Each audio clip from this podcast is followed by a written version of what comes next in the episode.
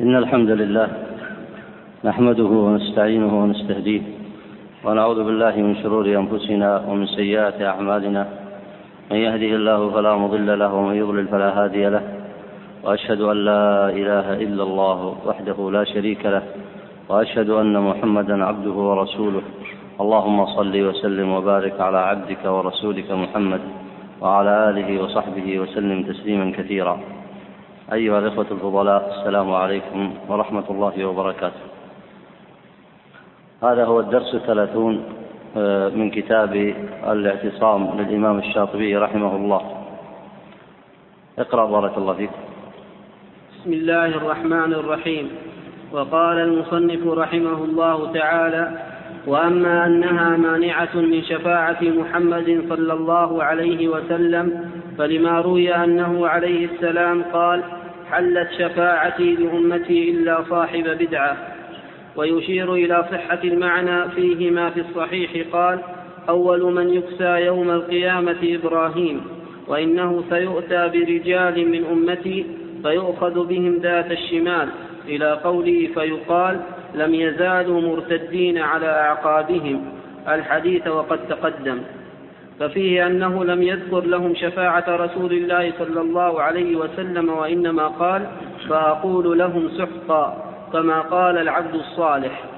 ويظهر من أول الحديث أن ذلك الارتداد لم يكن ارتداد كفر لقوله وإنه سيؤتى برجال من أمتي ولو كانوا مرتدين عن الإسلام لما نسبوا إلى أمته ولأنه عليه السلام أتى بالآية وفيها وإن تغفر لهم فإنك أنت العزيز الحكيم.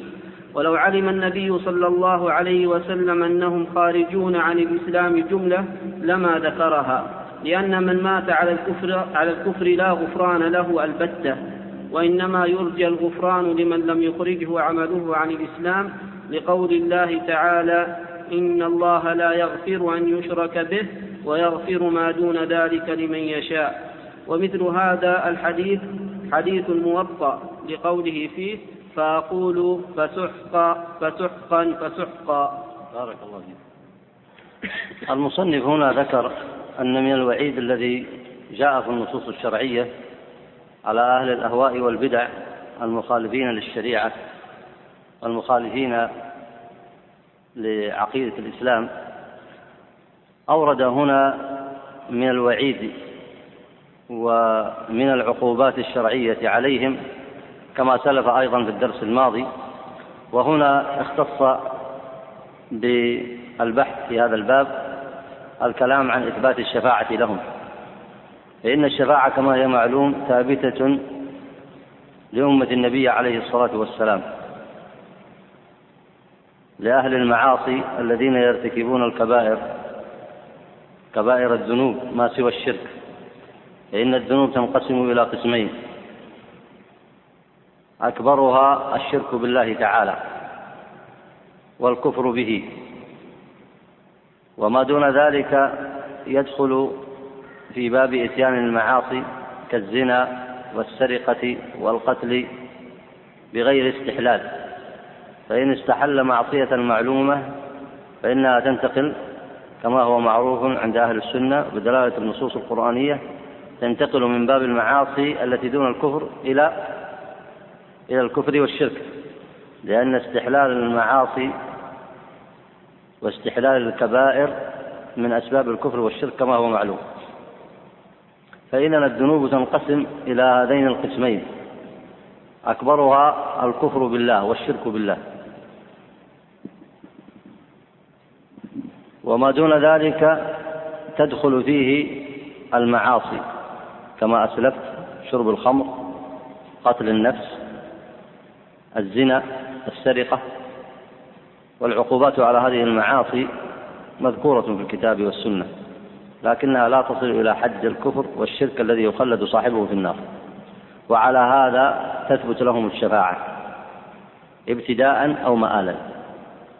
يعني يشفع النبي عليه الصلاة والسلام فيهم فمن دخل تحت شفاعته وشاء الله عز وجل أن يغفر ذنبه وأن يتقبل عمله وأن يدخله الجنة ابتداء فإنه يدخل تحت المشيئة كما هو معلوم. فإن قبول الشفاعة إنما هي تحت مشيئة الله عز وجل. يرضى عن الشافع ويرضى يقبل من الشافع ويرضى عن المشفوع وأهل الكبائر كما هو معلوم مآلهم إلى الجنة حتى وإن عذبوا في النار. لكن المعلوم من عقيدة أهل السنة دخولهم تحت شفاعة النبي عليه الصلاة والسلام بالشرطين المذكورة في شفاعته عليه الصلاة والسلام. أما بالنسبة لأهل البدع كما مضى معكم فإنه قد ورد في النصوص أوصاف لهم منها أنهم لا يزالون مرتدين على أعقابهم كما ورد في حديث الموطأ وقد سبق معكم. حديث الصحيح الذي رواه مالك في الموطأ وفيه أيضا دعاء النبي عليه الصلاة والسلام عليهم فإنه يدعوهم أو يرغب أن يشربوا من الحوض فيذاد بينهم وبينه بإذن الله عز وجل. ومعنى يذاد بينهم وبين حوض النبي عليه الصلاة والسلام أي يحال بينهم وبين حوض النبي عليه الصلاة والسلام. فيسأل النبي صلى الله عليه وسلم فيقال لهم إنك لا تدري ما أحدثوا بعدك. إنهم لا يزالون مرتدين على أعقابهم. فيقول النبي عليه الصلاة والسلام فسحقا سحقا. وهذا ثابت كما هو معلوم وكما مضى معكم في الأحاديث الصحيحة. فالدعاء عليهم هنا ذكر أهل العلم وشراح الحديث بأنهم استوجبوه لإحداثهم البدع والأهواء. وسبق معكم أيضا أن البدع والأهواء أغلظ من المعاصي. فإنها إن وصلت إلى حد الكفر والشرك فلا ريب أنها أغلظ من المعاصي. وإن لم تصل إلى حد الكفر والشرك فهي أغلظ أيضا لأن فيها إحداث وتغيير للشرع وابتداع في الدين. ولعل هذا السبب هو الذي خصهم أو أوجب عليهم ذلك الدعاء وإلا فإن النبي عليه الصلاة والسلام لا يدعو على أهل المعاصي من الكبائر وغيرها. فإن الدعاء أوجبه عليهم خروجهم عن الاعتقاد الصحيح وولوغهم في الأهواء والبدع. فالمصنف هنا يذكر في هذا الباب جملة أحاديث. والأحاديث التي ذكرها بالجملة الحديث الثاني هنا قال ما في الصحيح أول من يكسى يوم القيامة إبراهيم. ثم فيه لم يزالوا مرتدين على أعقابهم. هذا أخذه من حديث الموطأ. أما القول الثاني أيضا في الرواية الأخرى وهي قول النبي عليه الصلاة والسلام فأقول لهم سحقا كما قال العبد الصالح. أيضا هذا في رواية الموطأ. ومذكور عند تفسير قول الله تعالى ذكره ابن كثير وغيره عند تفسير قول الله تعالى إن تعذبهم فإنهم عبادك وإن تغفر لهم فإنك أنت العزيز الحكيم. وهذا آه، النص الثاني يتبعه الثالث المذكور هنا أيضا وهو آه، تفسير للآية وإن تغفر لهم فإنك أنت العزيز الحكيم. وذكر ما ذكره الشاطبي هنا في تفسير معنى هذه الآية. ثم أتبع ذلك أيضا بتكرار حديث الموطأ وفيه قول النبي عليه الصلاة والسلام دعاء عليهم فسحقا سحقا سحقا. وهذا ورد كما سبق معكم لما يذادون عن الحوض. هذه الأحاديث كلها تدل على أنهم لا يدخلون في شفاعة النبي عليه الصلاة والسلام ابتداء وهو مقصد المصنف من هذا الباب. لاحظتم الآن استدلال المصنف بأي شيء؟ يقول كأنه هنا يذكر أنهم لما استحقوا هذا الدعاء ابتداء عليهم وهو قول النبي عليه الصلاة والسلام فسحقا سحقا ثم ترتب على ذلك أنهم يذادون عن الحوض ثم يذهب بهم إلى النار فهذا كله يدل على أنهم لا يدخلون في شفاعته عليه الصلاة والسلام ابتداء. والأدلة ظاهرة في هذا المعنى. أما الحديث الأول الذي ذكره هنا فقال أحلت شفاعتي لأمتي إلا صاحب بدعة فالحديث هنا آه، في إسناده ضعف. والكلام في إسناده أما في معناه فذكر المصنف الشاطبي رحمه الله قال ويشير إلى صحة المعنى. وهذا لا نكرر القول فيه فقد مضى أن كون الحديث يكون ضعيفا قد يضعف سنده لكن يجتمع على معان قد تكون معتبرة. لكن لا يمكن أن نعتبر هذه المعاني بمجرد ورودها في السند الضعيف فإن السند الضعيف لا يحمل معنى صحيحا لا يعتبر في حمل معنى صحيح. لكن إذا وجدنا هذا المعنى الصحيح يحمله سند قوي فالمعول عليه ماذا؟ السند القوي أو الضعيف؟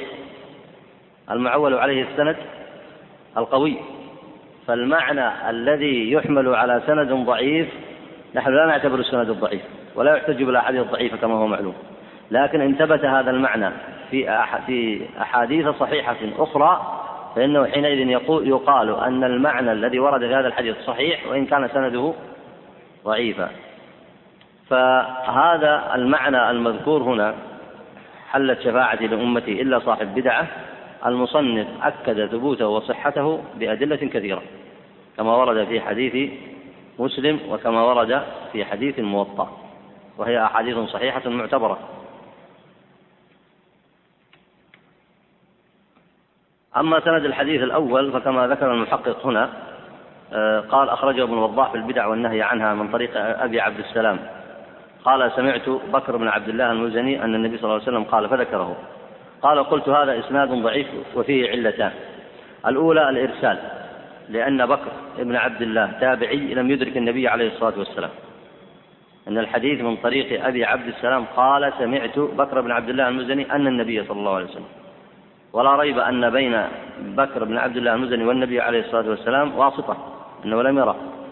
فهنا بكر بن عبد الله تابعي لم يدرك النبي عليه الصلاة والسلام. الثانية العلة الثانية جهالة أبي عبد السلام واسمه صالح بن رستم الهاشمي وهو مجهول. وأيضا ذكر ذلك ابن حجر في التقريب.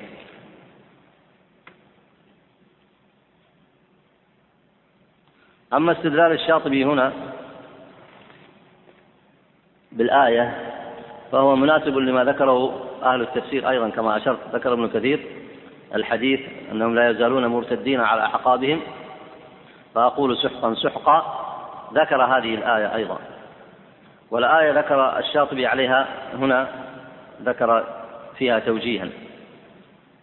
وقال إن الأحاديث الواردة في الباب تدل على أن ارتداد هؤلاء أي أهل البدع والأهواء لم يكن ارتداد كفر. ويقصد إنما كان ارتدادا عن السنة. وارتدادا عما كان عليه الصحابة رضوان الله عليهم من الدين الخالص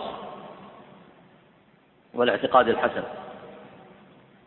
وهذا سيأتي له بحث مطول في الكلام على الحكم على الفرق. هل ارتدادهم ارتداد كفر أم دون ذلك؟ سيأتي المصنف باب مستقل في هذا بمشيئة الله تعالى. أي نعم.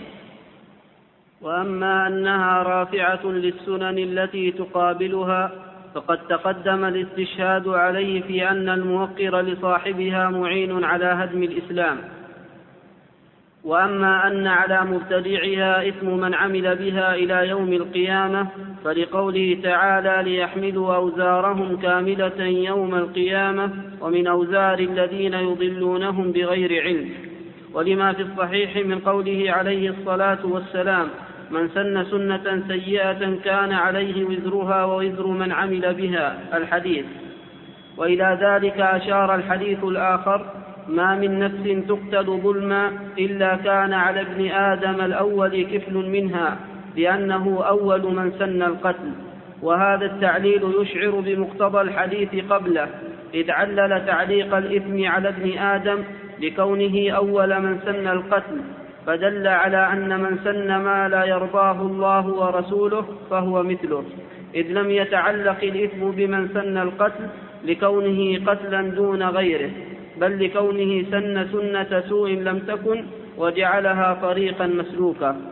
ومثل هذا ما جاء في معناه مما تقدم أو يأتي كقوله ومن ابتدع بدعة ضلالة لا ترضي الله ورسوله كان عليه مثل, آدام مثل آثام من عمل بها لا ينقص ذلك من أوزار الناس شيئا وغير ذلك من الأحاديث. آه، الحديث الأول هنا لما قال في الصحيح الحديث رواه مسلم. من سن سنة سيئة كان عليه وزرها ووزر من عمل بها. وكذلك الأحاديث الأخرى بنفس المعنى. فالحديث الذي بعده أيضا أخرجه البخاري ومسلم. وهو تطبيق على مسألة بعينها وهي مسألة القتل. فإن بني آدم فإن ابن آدم الأول قد سنه. ولاحظوا هنا أن فعله وهو قتل أخيه كأنه جعل ذلك سنة فيما في من بعده. فهو تطبيق للمعنى الأول. ولذلك قال النبي عليه الصلاة والسلام على ابن آدم الأول كفل منها. ما من نفس تقتل ظلما إلا كان على ابن آدم الأول كفل منها. والتعليل ما هو؟ لأنه أول من سن القتل. هذا مثال تطبيقي يجعله النبي عليه الصلاة والسلام في هذه المسألة تأكيدا لما قاله في الحديث الأول من سن سنة سيئة كان عليه وزرها. ولاحظوا هنا تعليق المصنف هنا. قال لا لكون ذلك قتلا دون غيره وإنما هو لمجرد المثال. فمن سن القتل أو من سن الزنا أو من سن آه، الكفر أو الشرك أو أي أمر من الأمور فإن من جاء بعده وعمل بذلك فإن عليه كفل من فإن على الأول كفل مما يصنعه الذي بعده. وليس ذلك مقصورا على القتل فإن القتل هنا إنما ذكر مثالا إنما ذكر مثال. فعلى هذا من سن الكفر فإن عليه تبعة وعهدة وعليه ذنب في من اتبعه عليه بعد ذلك. وكذلك من سن الشرك وكذلك من سن البدع والأهواء. ولا شك أن هذا الوعيد الوارد في مثل هذا في مثل هذه الأحاديث هو بيان لخطورة إظهار الفساد في الأرض وإفساد الأرض بعد إصلاحها. لأن الناس كما هو كما ذكر أهل العلم كانوا أصلا على التوحيد. كان الناس أمة واحدة أي أمة واحدة على توحيد الله عز وجل وطاعته. فلما أنشأ الشرك فيهم ولما أنشأت أسباب الكفر وأنشأت المعاصي تتابع الناس عليها بعد ذلك. فالذين أنشأوها أول مرة عليهم كفل وعقوبة بسبب ما سنوا من تلك البدع ومن تلك الأهواء أي نعم.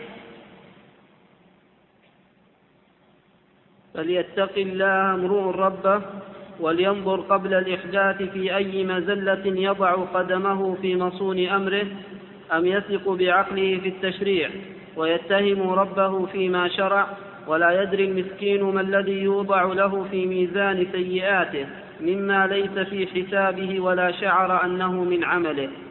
فما من بدعة يبتدعها أحد فيعمل بها من بعده إلا كتب عليه إثم ذلك العامل زيادة إلى إثم ابتداعه أولا ثم عمله ثانيا. وإذا ثبت أن كل بدعة تبتدع فلا تزداد على طول الزمان إلا مضيا حسب ما تقدم واشتهارا وانتشارا. فعلى وزان ذلك يكون إثم المبتدع لها كما أن من سن سنة حسنة كان له أجرها وأجر من عمل بها إلى يوم القيامة. وأيضا فإذا كانت كل بدعة يلزمها إماتة سنة تقابلها كان على المبتدع إثم ذلك أيضا فهو إثم زائد على إثم الابتداع وذلك الإثم يتضاعف تضاعف إثم البدعة بالعمل بها لأنها كلما تجددت في قول أو عمل تجددت إماتة السنة كذلك. واعتبروا ذلك ببدعة الخوارج فإن النبي صلى الله عليه وسلم عرفنا بأنهم يمرقون من الدين كما يمرق السهم من الرمية الحديث إلى آخره. ففيه بيان أنهم لم يبقى لهم من الدين إلا ما إذا نظر فيه الناظر شك فيه وتمارى هل هو موجود فيه أم لا؟ وإنما سببه الابتداع في دين الله وهو الذي دل عليه قوله يقتلون أهل الإسلام ويدعون أهل الأوثان وقوله يقرؤون القرآن لا يتجاوز تراقيهم فهذه بدع ثلاث إعادة بالله من ذلك بفضله. آه، هنا ذكر المصنف التعليل في سبب انتشار تلك البدع بحيث تكون سنة في الناس بعد ذلك.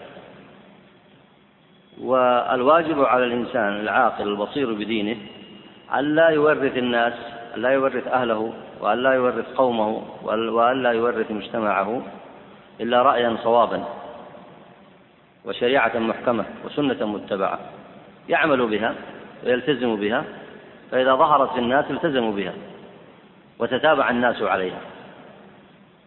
فإذا كان الأمر بضد ذلك إذا كان الأمر بضد ذلك ينشأ في الناس طوائف من أهل البدع ورؤوس من أهل الضلالات ثم ينشؤون في الناس البدع والأهواء والمخالفة عن الشريعة. فإذا وقعت المخالفة عن الشريعة تتابع الناس عليها. تتابع الناس على ذلك. وهذا التتابع يترتب عليه كما سلف في قول المصنف زيادة الإثم على من ابتدعها أول مرة. ثم بعد ذلك أيضا يترتب على ذلك الانتشار والاشتهار لهذه البدع. لأن الناس كما يتتابعون على السنن يتتابعون أيضا على البدع والأهواء. فإذا ظهرت السنة وانتشرت تتابع الناس عليها.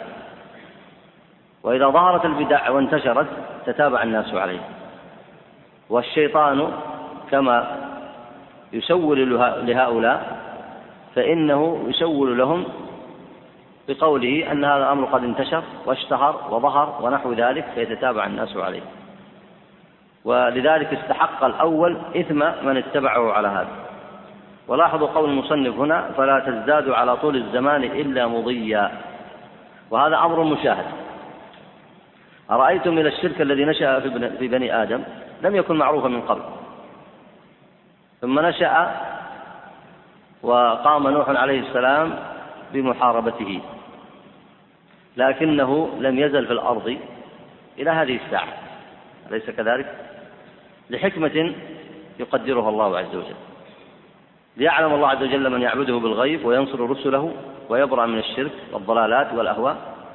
ويعلم من يرضى بذلك ويتابع على الضلالات والأهواء فيهلك.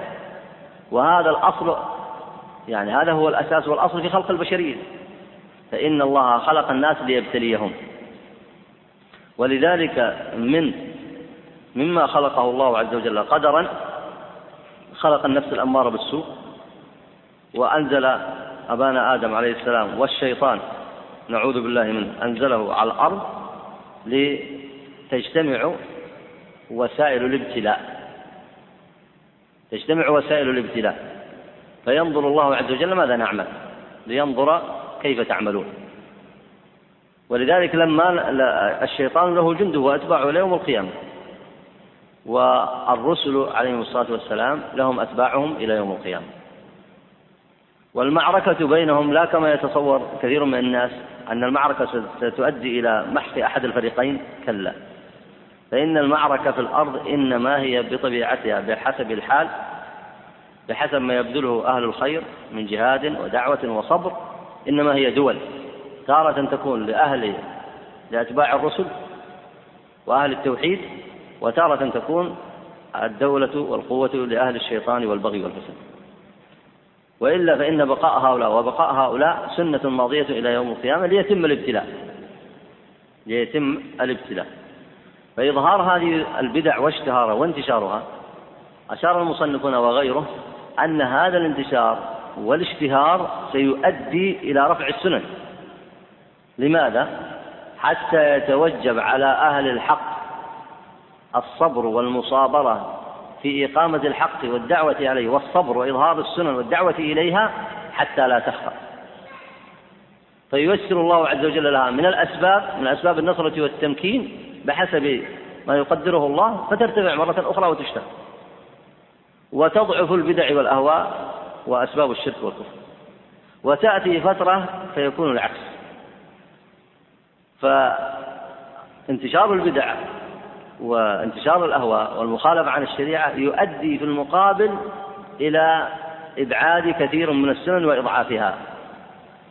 فتأمل هذه السنة هو الذي يقوي أصحاب الحق على المصابرة والدعوة والثبات وإظهار العلم والسنة. وهذا المعنى مبني على الأدلة وينبغي لطالب العلم أن يفقهه وينبغي لهذه الأمة أن تربى عليه علما لا عاطفة. ومقتضى هذا العلم أن أهل الجهاد والدعوة وإقامة الحق ونصرته لهم عند الله عز وجل المثوبة ويهديهم الله في الدنيا قبل الآخرة. كما قال الله عز وجل والذين جاهدوا فينا لنهدينهم سبلنا. لكن لا يمكن أن نتصور إذا لم تجاهد هذه الأمة وإن لم يجاهد أهل العلم فيها وطلاب العلم فيها وحتى عوامها إن لم يجاهدوا على الصبر على الحق ونصرته لا يمكن أن تتصور أن تظهر السنن وتنتشر الشريعة في العالم ويقوى أهل الحق في العالم. لا يمكن تتصور هذا. وهذا الذي انعكس عند كثير من الجهال وقالوا ما دام أن الله عز وجل جعل هذا قدرا وهو الابتلاء وأن تكون الدولة للفساد والكفر والأهواء في كثير من الأزمان ما دام جعل الله هذا قدرا فكيف نغير قدر الله؟ وهذا من جهلهم بشريعة الله عز وجل. فإن هذا القدر الرباني من وجود الشيطان ووجود أتباعه وعداوته المرصودة في الأرض لأهل الحق والتي بينها القرآن الكريم لنبيه عليه الصلاة والسلام. وفي المقابل بين الله عز وجل أن استمرار العمل والجهاد والبذل سيؤدي إلى نصرة الحق وإضعاف الشيطان وجنده. فإذا المسلمون معهم الأمل ومعهم الوسائل. حتى وإن علمت أن انتشار الأهواء والبدع وتعطيل كثير من أحكام الشرع سيؤدي إلى ظهور الفساد في الأرض. هذا لا يفت في عضدك. بل في المقابل لا بد أن تبذل ما تستطيع حتى تكون من جند الله الذين نصرهم الله عز وجل. وهذا المعنى لما كان واضحا عند الصحابة والتابعين كان المجتمع الإسلامي صافيا قويا. فلما تكاسل الناس وبدأوا يذهبون إلى الزرع والدنيا وفتنوا بها ظهرت الأهواء والبدع وظهرت المخالفات. فأنت ما تبتعد عن القرون المفضلة كلما ابتعدت كلما ضعف أمر المجتمع الإسلامي.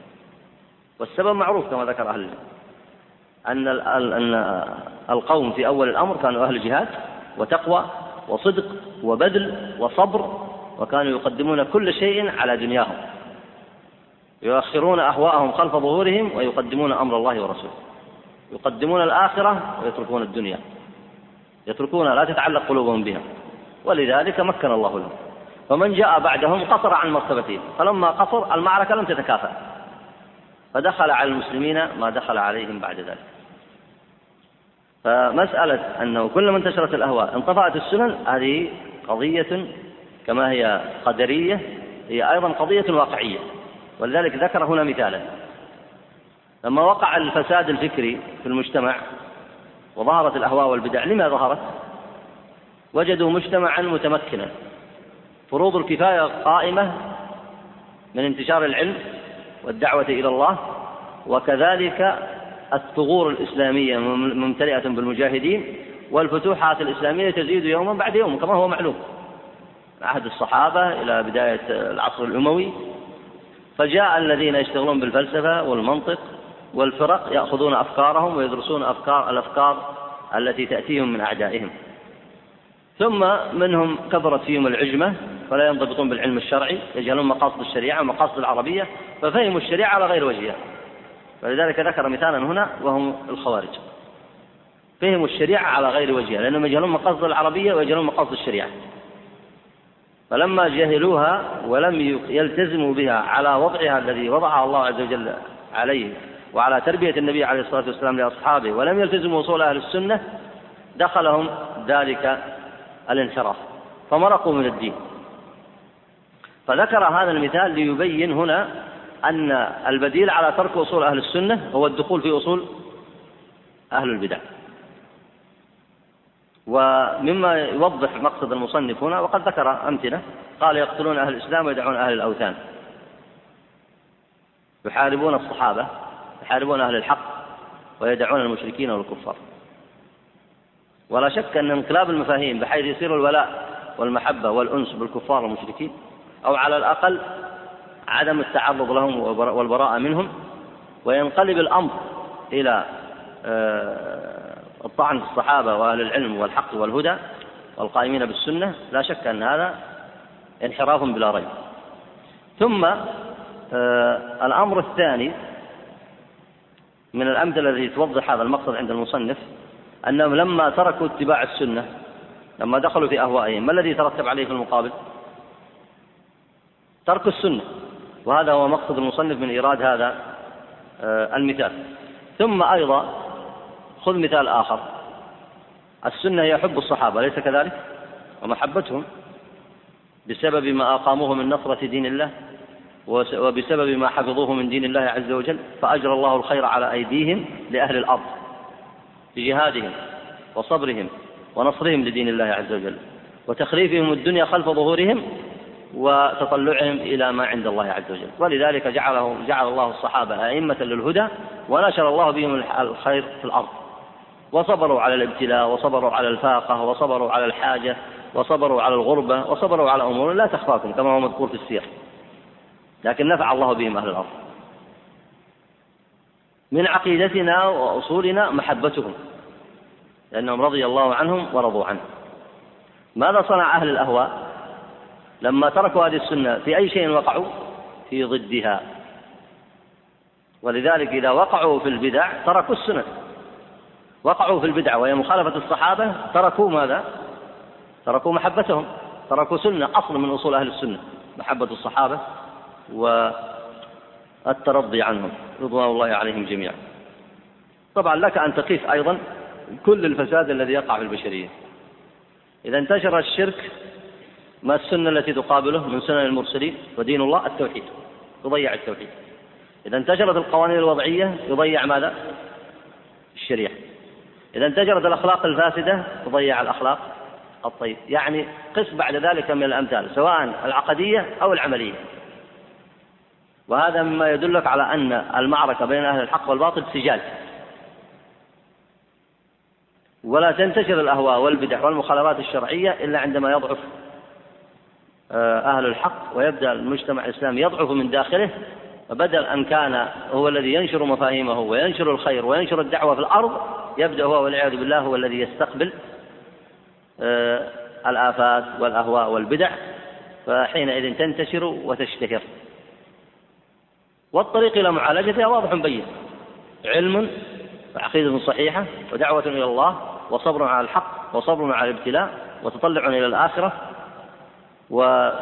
وعدم الالتفات إلى الدنيا. فيجعل الله عز وجل في هذه الأمة مجددين وعلماء وطلاب علم ومصلحين. يفتح الله على أيديهم وينشر الله بهم الحق في الأرض. أي نعم. وأما أن صاحبها ليس له من توبة فلما جاء من قوله عليه السلام إن الله حجر التوبة على كل صاحب بدعة. وعن يحيى بن أبي عمرو الشيباني قال كان يقال يأبى الله لصاحب بدع بدعة بتوبة وما انتقل صاحب بدعة إلا إلى أشر منها. ونحوه عن علي بن أبي طالب رضي الله عنه قال ما كان رجل على رأي من البدعة فتركه إلا إلى ما هو شر منه. خرج هذه الآثار ابن وضاح. وخرج ابن وهب عن عمر بن عبد العزيز أنه كان يقول اثنان لا نعاتبهما صاحب طمع وصاحب هوى فإنهما لا ينزعان. وعن ابن شوذب قال سمعت عبد الله بن القاسم وهو يقول ما كان عبد على هوى تركه إلا إلى ما هو شر منه. قال فذكرت ذلك لبعض أصحابنا فقال تصديقه في حديث عن النبي صلى الله عليه وسلم يمرقون من الدين مروق السهم من الرمية ثم لا يرجعون إليه حتى يرجع السهم على فوقه. وعن أيوب قال كان رجل يرى رأيا فرجع عنه فأتيت محمدا فرحا بذلك أخبره فقلت أشعرت أن فلانا ترك رأيه الذي كان يرى فقال انظر إلى ما يتحول. إن آخر الحديث أشد عليه من أوله يمرقون من الدين ثم لا يعودون. وهو حديث أبي ذر رضي الله عنه أن النبي صلى الله عليه وسلم قال سيكون من أمتي قوم يقرؤون القرآن ولا يجاوز حلاقيمهم يخرجون من الدين كما يخرج السهم من الرمية ثم لا يعودون فيه هم شر الخلق والخليقة.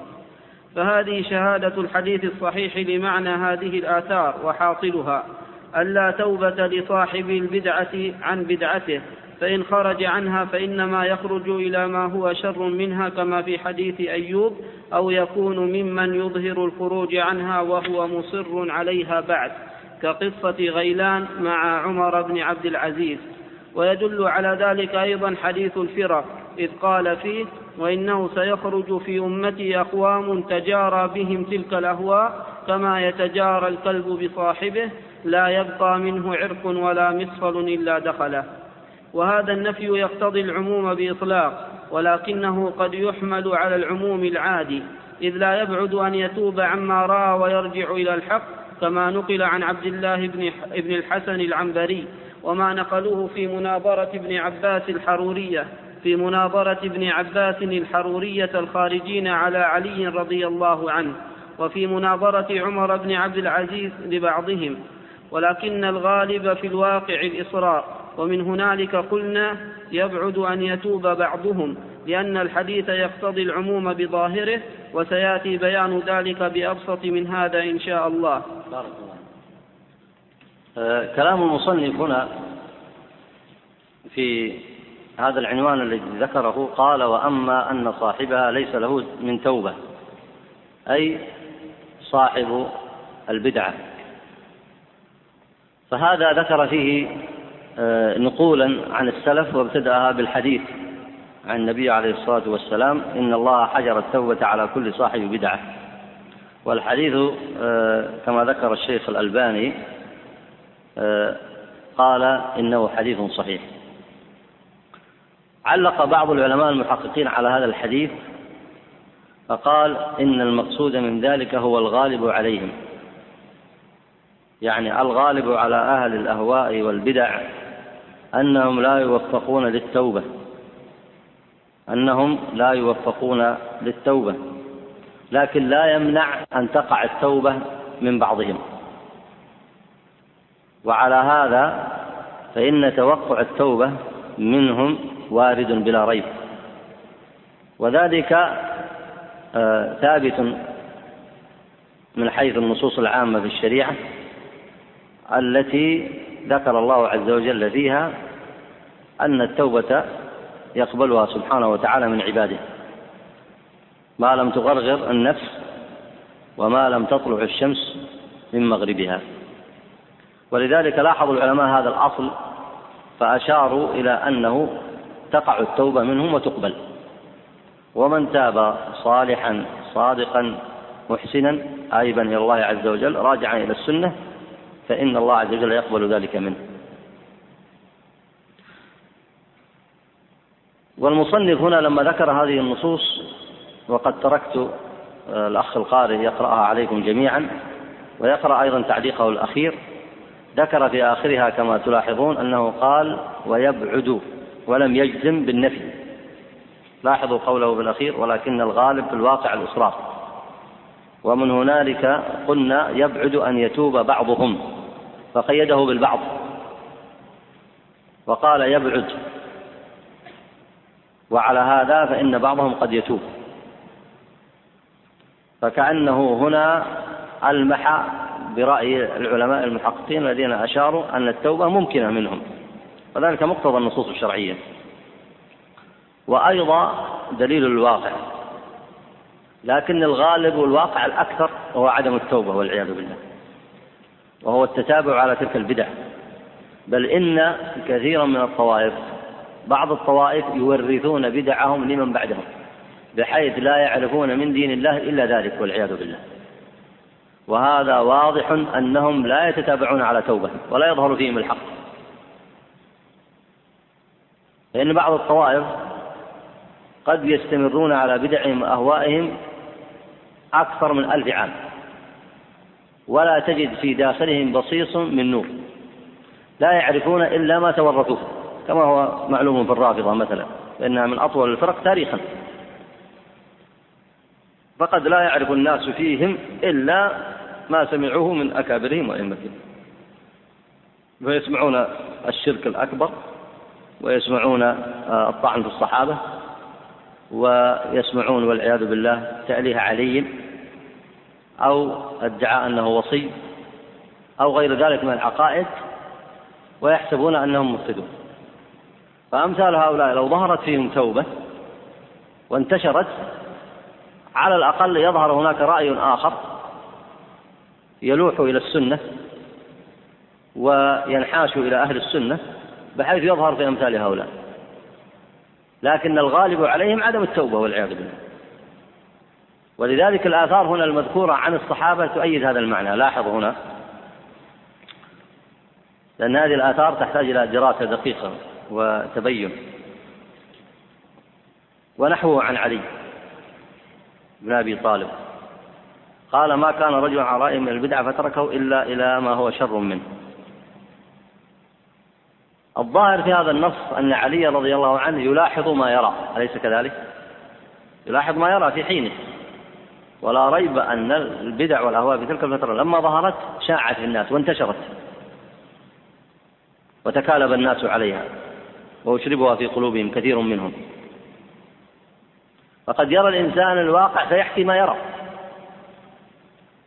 وأما مظاهر التوبة التي تقع فقد تكون محدودة بحيث إذا التفت الإنسان إلى الأمر الكبير الواضح المشتهر أن لا توبة واستمرار والعياذ بالله كما ضربت لكم في المثال السابق. وهذا أيضا موجود في كثير من الأمثلة. وقد تكون التوبة أو الرجوع محدود. وقس هذا أيضا بفترة علي رضي الله عنه.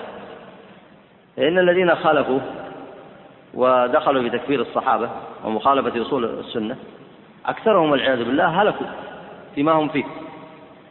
ورجع منهم أربعة آلاف. هذا بالواقع المشاهد الثابت كما هو ثابت في آه، مناظرة ابن عباس رضي الله عنهم لهم. فالمناظرة أرجعت منهم أربعة آلاف إلى السنة. وهذا دليل على ماذا؟ دليل واقعي على ظهور التوبة منهم والرجوع. ولذلك فسر العلماء هذا الحديث هنا إن الله حجر التوبة على كل صاحب بدعة بالحكم الغالب. أي الغالب عليهم ألا يتوبوا والغالب عليهم أن يتتابعوا على ذلك. وفسروا هذا بأنه أشبه بالإصرار الفكري وبالانحراف الذي تلبس بالأدلة فظنوه دينا وما زالوا على ذلك مخالفين للنصوص الصريحة في السنة. وإجماع الصحابة بل بعضهم قد يتخذ آيات وقرآن خاصا به. وهذا أبعد من أن يرجع إلى مقتضى النصوص الشرعية المنقولة. أبعد. يعني اللي يكون مصحف هو مصحف ويؤول النصوص ويخرجها عن ظاهرها ويخالف على الشريعة هذا أيضا في شر فكيف تقنعه بأن فهمه فاسد؟ فما بالك من اتخذ نصوصا أخرى وطرق وطرقا أخرى في إثبات أصول دينه فهذا أبعد وأبعد. فلاحظوا هنا أن الواقع التطبيقي يدل على أن أغلبهم والعياذ بالله يهلكون في بدعهم وأيضا يدل الواقع التطبيقي وهو محدود جدا يدل على أن هناك رجوعا من بعضهم. وهذا كله مع الآيات التي ذكرت في التوبة وقبول التوبة والقواعد الشرعية كله يدل على التأكيد على تفسير الحديث الأول. أن الغالب فيهم هو كذلك وأنهم لا يرجعون والعياذ بالله. لكن قد يرجع بعضهم. وعلى هذا تفسر هذه النصوص المذكورة.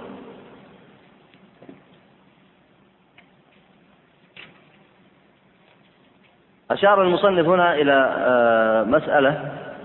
طبعا الحديث الأحاديث هذه سبق تخريجها سبق الكلام عليها. وأنا ذكرت لكم آه، أن سبب تكرار المصنف لها ليس تكرارا من حيث المعنى بل هنا بوب أبوابا جديدة. حتى لا يظن بعض الطلاب أن هذا تكرار لما مضى. هو تكرار من حيث الاستدلال بالدليل لكنه على معنى على معنى جديد غير المعنى الأول الذي ذكره. أما قوله هنا آه، وهذا النفي يقتضي العموم بإطلاق ولكنه قد يحمل على العموم العادي. قوله قد هنا آه، للتقليد. ويشير إلى العموم العادي والفرق بين العموم العادي والعموم المطلق. العموم المطلق الذي يتصوره العقل. والعموم العادي الذي ينبني على مقاصد الشريعة ومعرفة أدلتها عموما. هذه مسألة أصولية شاقة لكن لا بأس من الإشارة إليها باختصار. العموم المطلق الذي يتصوره العقل بدون ضابط. والعموم العادي الذي يتصوره في وضع لغة العرب مقاصدها ومقاصد الشر فأنت لما تقول كل مبتدع لا يتوب هذا عموم. ممكن يتصور الإنسان أنه يسري على كل أحد. وليس كذلك. لو لاحظت مقاصد الشريعة والنصوص التي وردت في التوبة فإنك تقول إن الغالب عليهم كذا بدليل الواقع المشاهد. الواقع لا ينكره أحد لأنه مشاهد محسوس. وأما أنه ليس فيهم جميعا فيدل عليه توبة بعضهم كما ورد في الحديث الصحيح في مناظرة ابن عباس للخوارج فبهذا تستطيع أن تفهم هذا معنى العموم العادي. العموم يعني المقصود في هذه الألفاظ. العموم المطلق الذي يتصوره الإنسان يقول كل يعني يشمل كل أحد. ولذلك معرفة لغة العرب في مقاصد العرب في كلامها آه، هو الطريق السليم لفهم النصوص الشرعية. لذلك لا بد لطالب العلم أن يرجع إلى تفسير الأحاديث وأيضا تفسير القرآن. فأنت مثلا وهذا مثال آخر يبين لكم هذه المسألة الأصولية. آه، لو سمعت قول الله تعالى في شأن الريح التي أمرها الله أن تدمر على قوم عاد. فقال الله عز وجل تدمر كل شيء بأمر ربها. ماذا تتصور من العموم هنا؟ ها؟ تدمر كل شيء ما تمر عليه من السماوات والأرض والجبال والأنهار. أو تدمر كل شيء مما أمرها الله به أن تدمره. واضح. يعني لا تدمر العالم كله. فالعموم الأول عموم مطلق عموم عقلي. ما هو معتبر في الحكم. ما يمكن تذهب به كل مذهب. لو ذهبت به ما تفهم النص الشرعي. تدمر كل شيء. فأنت ما وجدتها تدمر كل شيء. فما ما استطيع تفهم العموم المطلق. والعموم المطلق يعني لفظ آه، هنا الإطلاق يستغرق كل ما تظنه يدخل في العموم. لكن العموم العادي هو تفسير. ارجع إلى التفسير فتجد تدمر أمر تدمر كل شيء من ربها أي مما أمرها الله بتدميره. فهو عموم عادي. يعني ما أمرها الله بتدميره دمرته كله. هذا معنى الآية. وهذا معهود في لغة العرب. حتى ذكروا مثلا أن المدرس لو قال لو جاء مثلا بالوكيل وكيل المدرسة فقال اضرب كل من في الفصل هل يدخل هو في العموم؟ لو تصورت العموم المطلق كل من في الفصل حتى هو في الفصل لكنه لا يدخل. هو لا يدخل لأن المخاطب لا يدخل في لفظية وإن كان جاء بعض اللي يدخلون في الفلسفة فيدخله ثم يخرجه. يعني يدخله في العموم ثم يخرجه. وهذه مسائل يعني من المسائل المتقدمة لكن لا بأس من الإشارة إليها وعلى طالب العلم المتقدم يعني أن يراجع ويتأمل.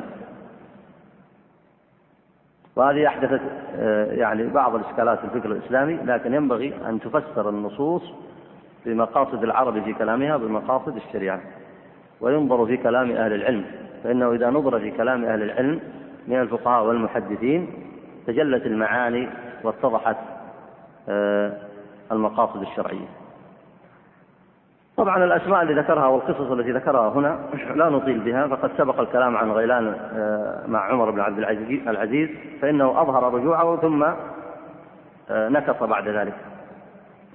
وهذه آه، من الأحوال في أهل البدع. قد يظهر الرجوع ثم ينكص والعبرة بماذا؟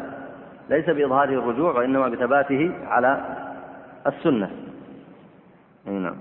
وأما قوله كما نقل عن عبد الله بن الحسن العنبري وكما ذكر في الخوارج مع مناقشة ابن عباس إنما أراد أن يذكر بهذا ذكر مثالين ولا أمثلة كثيرة. يعني معروف قصة أبو الحسن الأشعري رحمه الله فإنه بقي على مذهب المعتزلة يجادل عنه أربعين عاما. يعني أربعين عام ماذا بقي من العمر؟ تصور هو أصلا متى فقه مذهب المعتزلة ومتى فقه العلم. يعني على الأقل بعد الخامسة عشر. ثم جلس ينافح عنه أربعين عاما. ومذهب المعتزلة محكوم ببطلانه بإجماع الأمة بدون كلام. ثم رجع بعد ذلك إلى السنة. وكتب كتابه الإبانة الذي نص فيه أنه على عقيدة السلف وأنه على عقيدة الإمام أحمد بن حنبل وأصحابه أي أيوة وأئمة السلف المشهورين. فالرجوع ثابت. آه، وأيضا النصوص لا تمنع منه. نعم. اقرأ الله وسبب بعده عن التوبة أن الدخول تحت تكاليف الشريعة صعب على النفس لأنه أمر مخالف للهوى وصاد عن سبيل الشهوات فيثقل عليها جدا. لأن الحق ثقيل والنفس إنما تنشط بما يوافق هواها لا بما يخالفه وكل بدعة فللهوى فيها مدخل لأنها راجعة إلى نظر مخترعها لا إلى نظر الشارع فإن تعلقت بحكم الشارع فعلى حكم التبع لا بحكم الأصل مع ضميمة أخرى وهي أن المبتدع لا بد له من تعلق بشبهة دليل ينسبها إلى الشارع. ويدعي أن ما ذكره هو مقصود الشارع فصار هواه مقصودا بدليل شرعي في زعمه فكيف يمكنه الخروج عن ذلك؟ وداعي الهوى مستمسك بحسن ما يتمسك به وهو الدليل الشرعي في الجملة. هذا على أي حال ظاهر في أهل الابتداع؟ فإنهم يعتمدون إما على أحاديث موضوعة أو واهية أو يعتمدون على قصص لا أصل لها. ثم يحاولون أن آه، يظهروا للعامة أنهم ينتسبون إلى مقتضى الدليل الشرعي. ولذلك كثرت عندهم البدع التي من الناحية التاريخية لا يمكن أن تثبت لها أصل بحال من الأحوال. ومع ذلك فيتلبسون لها الأحاديث الواهية والقصص الباطلة. وهذا لا يتعجب منه لأنه كما أشار المصنف أن كل صاحب هوى لا بد أن ينسب نفسه إلى الخير. لا بد أن ينسب نفسه إلى الخير. وهذا ليس في أهل الأهواء حتى في المنافقين حتى في الكفار. فالمنافقون وهم يفسدون في الأرض. هل تظنهم أنهم يقرون على أنفسهم بالفساد؟ أم ماذا قالوا؟ ما الذي قالوا؟ ها؟ وإذا قيل لهم لا تفسدوا في الأرض قالوا إنما نحن مسلمون. ما في واحد يقول أنا أريد أن أفسد في الأرض. مع أنهم في حقيقتهم مفسدون في الأرض ومثال آخر الذين ابتدعوا عبادة الأصنام وخالفوا النبي عليه الصلاة والسلام وحاربوه أتدري ماذا كانوا يدعون؟ من يذكر الجواب؟ ها؟ كانوا يدعون العبادة كما قالوا إنما نعبدهم ليقربونا إلى الله زلفى. وكانوا يدعون أكبر من هذا. وهي أنهم على ملة ها على ملة إبراهيم عليه السلام. وهذا معنى لا بد أن يدركه المصلحون. يعني ما في واحد ينتسب إلى الفساد فيقول هو مفسد. هذا ما هو موجود. ولا واحد ينتسب مثلا إلى البدع ويقر على نفسه بالابتداع. لا. يقول لا أنا أتبع ما فهمته من من الدين. وكذلك الكفار ما يقرون على أنفسهم بالكفر. ما يقول نحن كفار ولذلك النبي صلى الله عليه وسلم لما لما وصفهم بالكفر أنكروا ذلك. والآن كفار العالم لو تصفهم بالكفر ينكرون ذلك. ويزعمون أنهم يعبدون الله على طريقة صحيحة. فصاحب الهوى يدعي أن هواه مبني على رغبته في عبادة الله. والكافر يدعي أنه ينتسب إلى دين صحيح. ولذلك جاءوا إلى النبي عليه الصلاة والسلام وعكسوا القضية. ماذا قالوا له؟ قالوا أنت صابئ أي أنت راجع ومدبر عن ملة إبراهيم عليه السلام. وهذا ما يشير له المصنف هنا.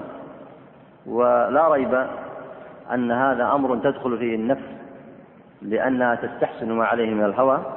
وتحاول أن تثبت أنها على الحق ولذلك لا بد لها من الحجة والعلم آه، تظهر عليها الحجة ويظهر عليها العلم لعلها آه، أن آه، تصيخ إلى الحق وترجع عن الهوى. اقرأ من الأمثلة المذكورة هنا. هي نعم. ومن الدليل على ذلك ما روي عن الأوزاعي قال بلغني أن من ابتدع بدعة ضلالة الشيطان والعبادة أو ألقى عليه الخشوع والبكاء كي يصطاد به. هذا نقص هنا. يعني صحح بلغني أن من ابتدع بدعة ضلالة خلاه الشيطان والعبادة. وألقى عليه الخشوع والبكاء. كي يصطاد به. ولذلك سبحان الله من فضل الله عز وجل على الصحابة. أن عبادتهم وخشوعهم وفضلهم في العبادة. وأنتم تعرفون أنهم كانوا رهبانا بالليل. وكان بعضهم تنزل الملائكة تسمع القرآن. وهو يقرأ ومع ذلك كان أدبهم في الخشوع ليس كأدب كثير من ممن دخلتهم البدع والأهواء. تجد الرجل مثلا وهو يمشي كأنما آه، يتخشع للناس في مشيته ويظهر الخشوع. وإذا أراد أن يدخل بعد الصلاة آه، نكس رأسه وأظهر الخشوع في الذكر. فإن لبعض البدع بعض أهل البدع جعلوا طريقة للذكر معلومة فيها نوع من الخشوع فكأن الإنسان يتصور خاشعا أمام الناس كأنه كأنما هو خاشع أمام ربه. ولذلك الخشوع في الصلاة بالوقوف والإخبات وخشوع القلب. وليس كما يظنه الناس بالخشوع الظاهري وحديث آه، لو خشع هذا لخشعت جوارحه حديث ليس بصحيح كما هو معلوم. فالخشوع الذي يحبه الله هو خشوع القلب وسكينته. ولذلك بعض السلف من قوته في العبادة وإخلاصه كان يبكي في الصف لا يشعر به صاحبه. هذا لا يعني أن الإنسان قد يغلب عليه الخشوع فيبكي فيشعر به الناس. ممكن يشعر به الناس. لكن الأفضل أن لا يشعر بك أحد. فكان من قوته في إيمانه أنه يبكي في الصف لا يشعر به صاحبه. فإذا ألقي الخشوع والبكاء آه، وشدة العبادة بحيث أن الإنسان يشعر أن له من المنزلة ما ليس للخلق بل بعضهم يطلب أن يتبارك الناس به ويحصلون به البركة إما بلمس يده وإلا بتقبيل رأسه وإلا بالخشوع بين يديه أو بغير ذلك. فهذا لا شك أنه مفتون لا شك أنه مفتون. لأنه غير مقصد العبادة. مقصد العبادة أن تخشع أنت لله وعلى السنة تخشع. ما هو خشوع البدع. وأيضا أن تعلم الناس كيف يعبدون الله. ما هو أن تعلمهم كيف يخضعون بين يديك. ولذلك الصحابة في طبيعتهم وأخلاقهم وسيرهم إذا قرأت أحوالهم تجدهم هم القوم الذين كرمهم الله بالدين. ففي ملابسهم لا يختلفون عن الناس عن عادة الناس. وفي طرائقهم وفي معيشتهم وفي أحوالهم. لكن لما نشأت الأهواء قد يأتي الشيخ مثلا فيحتجب عن الناس وتكون له مراسيم خاصة في الاستقبال وفي التحية وفي الجلوس بين يديه وفي السكون بين يديه وفي طلب الدعاء منه وفي التبرك به وفي غير ذلك. هذا كله من الفتنة والعياذ بالله. ومن دخل عليه ذلك فقد فتن. والنبي عليه الصلاة والسلام كان من أخلاقه وهو يربي أصحابه كان الأعرابي يدخل فلا يعرفه حتى يسأل عنه. وقصته في دخول المدينة عليه الصلاة والسلام ومعه أبو بكر رضي الله عنه أنهم ما كانوا يعرفون من هو هذا أو هذا. فكثير من المراسيم التي يجعلها أهل الأهواء والبدع لمشايخهم أو طرقهم هذا مما لا يحبه الله وهو فتنة لصاحبه وفتنة للناس فينبغي لطالب العلم أن يحذر من هذه الأوصاف. الخشوع في القلب. وصلاح الظاهر مطلوب وصلاح الباطن مطلوب. وأن يكون الإنسان ظاهره على السنة لا يتكلم لا في طريقة طعامه ولا لبسه ولا مجالسته للناس ولا معاشرته للناس ولا يقول إلا ما يعلم من الحق وما لا يعلمه يقول لا أعلم ويتأدب بأدب الله ويظن أنه أضعف الناس وأنه أحوج الناس إلى الحسنة وأن الله إن لم ينجه يهلك. هكذا. هو عند نفسه صغير وقد يكون عند الناس كبير.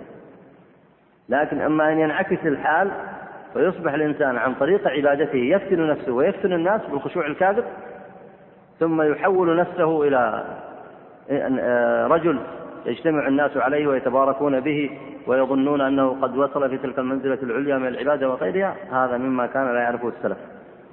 حتى بعض الأئمة كان إذا جاء الرجل قال فلان يرسلني لك يقول ادع لي فيغضب. لأن منازل الناس ينبغي أن تحفظ. حتى لو كان عالم ما ينبغي أن يتعلق به الناس هذا التعلق. ومنهم من يأتي له إنسان فدائما يقول ادع لي ادع لي. فيقول له ادعو لنفسك. أنا يا دوب أدعو لنفسي فكانوا يعلمون الناس الأدب ويعلمون الناس السنة. أي نعم. وقال بعض الصحابة أشد الناس عبادة مفتون. واحتج بقوله عليه الصلاة والسلام يحقر أحدكم صلاته في صلاته وصيامه في صيامه إلى آخر الحديث. ولا ريب أن هذا يعني كما هو معلوم يخالف الوسطية. الوسطية التي أمر الله عز وجل بها أن تعبد الله بالاعتقاد الحسن وباتباع السنة النبي عليه الصلاة والسلام. وأن تبتعد عن أسباب حب الظهور والفتنة وأن ترى لنفسك حقا على الناس. وأن ترى أنك مقدم على الناس وأن ترى أن لك منزلة على الناس أو أن ترى, أو أن, ترى أن لك سرا عند الله أو غير ذلك هذا لا شك أنه من الفتن التي يدخلها الناس التي يدخلها الشيطان على الإنسان. إي نعم أقرب ويحقق ما قاله الواقع كما نقل في الأخبار عن الخوارج وغيرهم فالمبتدع يزيد في الاجتهاد لينال في الدنيا التعظيم والجاه والمال وغير ذلك من أصناف الشهوات. بل التعظيم على شهوات الدنيا. ألا ترى إلى انقطاع الرهبان في الصوامع والديارات عن جميع الملذوذات ومقاساتهم في أصناف العبادات والكف عن الشهوات وهم مع ذلك خالدون في جهنم. قال الله وجوه يومئذ خاشعة عاملة ناصبة تصلى نارا حامية. آه الخشوع المذكور في الآية هنا هو الذلة والعياذ بالله. فهي يوم القيامة ذليلة. وجوههم ذليلة وذليلة بسبب الكفر والمعاصي. عاملة ناصبة أي في الدنيا تنصب لكن بغير طاعة الله. وتصل نارا حامية أي أنها تعاقب بذلك يوم القيامة. فالخشوع هنا وجوه يومئذ خاشعة أي دليلة بسبب الكفر والمعاصي. تفضل. بالمناسبة هذا الدرس إن شاء الله سيكون هو آه، الدرس الأخير في هذا الشهر وذلك لأسباب. منها أنني أشارك في دورة علمية إن شاء الله في المنطقة الشرقية وأيضا في دورة في مكة. والأمر الثاني أيضا آه، أنه قد يكون من مصلحة طلاب العلم ونشاطهم أيضا مراجعة من تيسر له مراجعة الكتاب. فيما درس من قبل. ونستأنف إن شاء الله هذا الدرس في تسعة وعشرين أربعة بمشيئة الله تعالى. وأرجو الإخوان يبلغون المكتب الدعوة يضع إعلان للناس بتحديد الموعد. تسعة وعشرين أربعة ليوافق يوم الأحد في آخر شهر أربعة مشيئة الله تعالى. وعلى الطلاب أن يستفيدوا من الدورات العلمية في الإجازة وأن يتعاونوا على ذلك ويشجع بعضهم بعضا. اقرأ بارك الله فيك. وقال هل ننبئكم بالأخسرين أعمالا الذين ضل سعيهم في الحياة الدنيا وهم يحسبون أنهم يحسنون صنعا؟ وما ذاك إلا لخفة يجدونها في ذلك الالتزام ونشاط يداخلهم يستسهلون به الصعب بسبب ما داخل النفس من الهوى فإذا بدا للمبتدع ما هو عليه رآه محبوبا عنده لاستبعاده للشهوات وعمله من جملتها ورآه موفقا للدليل عنده فما الذي يصده عن الاستمساك به والازدياد منه وهو يرى أن أعماله أفضل من أعمال غيره واعتقاداته أوفق وأعلى. أفيفيد البرهان مطلبا؟ كذلك يضل الله من يشاء ويهدي من يشاء. بارك الله فيك.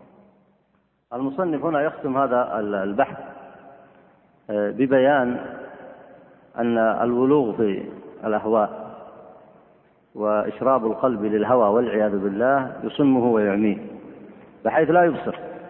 كما قال الله عز وجل إنها لا تعمى الأبصار ولكن تعمى القلوب التي في الصدور. فإذا امتلأ القلب بالهوى وأشرب ولذلك من الأسئلة التي وردت هنا يسأل عن معنى داء الكلب كما ورد في الحديث السابق. قال قوم تتجارى بهم تلك الأهواء كما يتجارى الكلب بصاحبه. هذا داء يصيب الكلاب وهو مرض. وشبه شبهت الأهواء به لأن هذا الداء إذا أصاب الإنسان فإنه في الغالب لا يخرج منه ويهلكه. فشبه النبي عليه الصلاة والسلام الأهواء بذلك. والهوى ما ذكر في القرآن إلا مذموما كما قال ابن عباس رضي الله عنهما. فإذا دخل الهوى للقلب وتمكن منه فإنه لا تنفع معه البراهين كما قال مصنفنا. لا يفيد معه البرهان. لكن هل معنى ذلك أنه لا يفيد معه شيء؟ لأنه قد يرجع في بعض الأحيان. فكيف تدعوه؟ لاحظ هنا أن إنسان مثلا أخذ الهوى واستعمل المتشابهات في الدين ولا يمكن يقتنع بالأدلة. كلما جئت له بدليل أوله أو استعمله في غير موضعه فماذا تصنع مع هذا؟ هل فعلا لا يفيد معه شيء؟ طبعا قد لا يفيد معه شيء وقد يفيد بحسب الحال. لكن عليك أن تنتقل إلى وسيلة أخرى وهي تخويفه من الله. فإن الإنسان قد يتأثر بالترغيب والترهيب أكثر مما يتأثر بعض الأحيان بالمناقشة.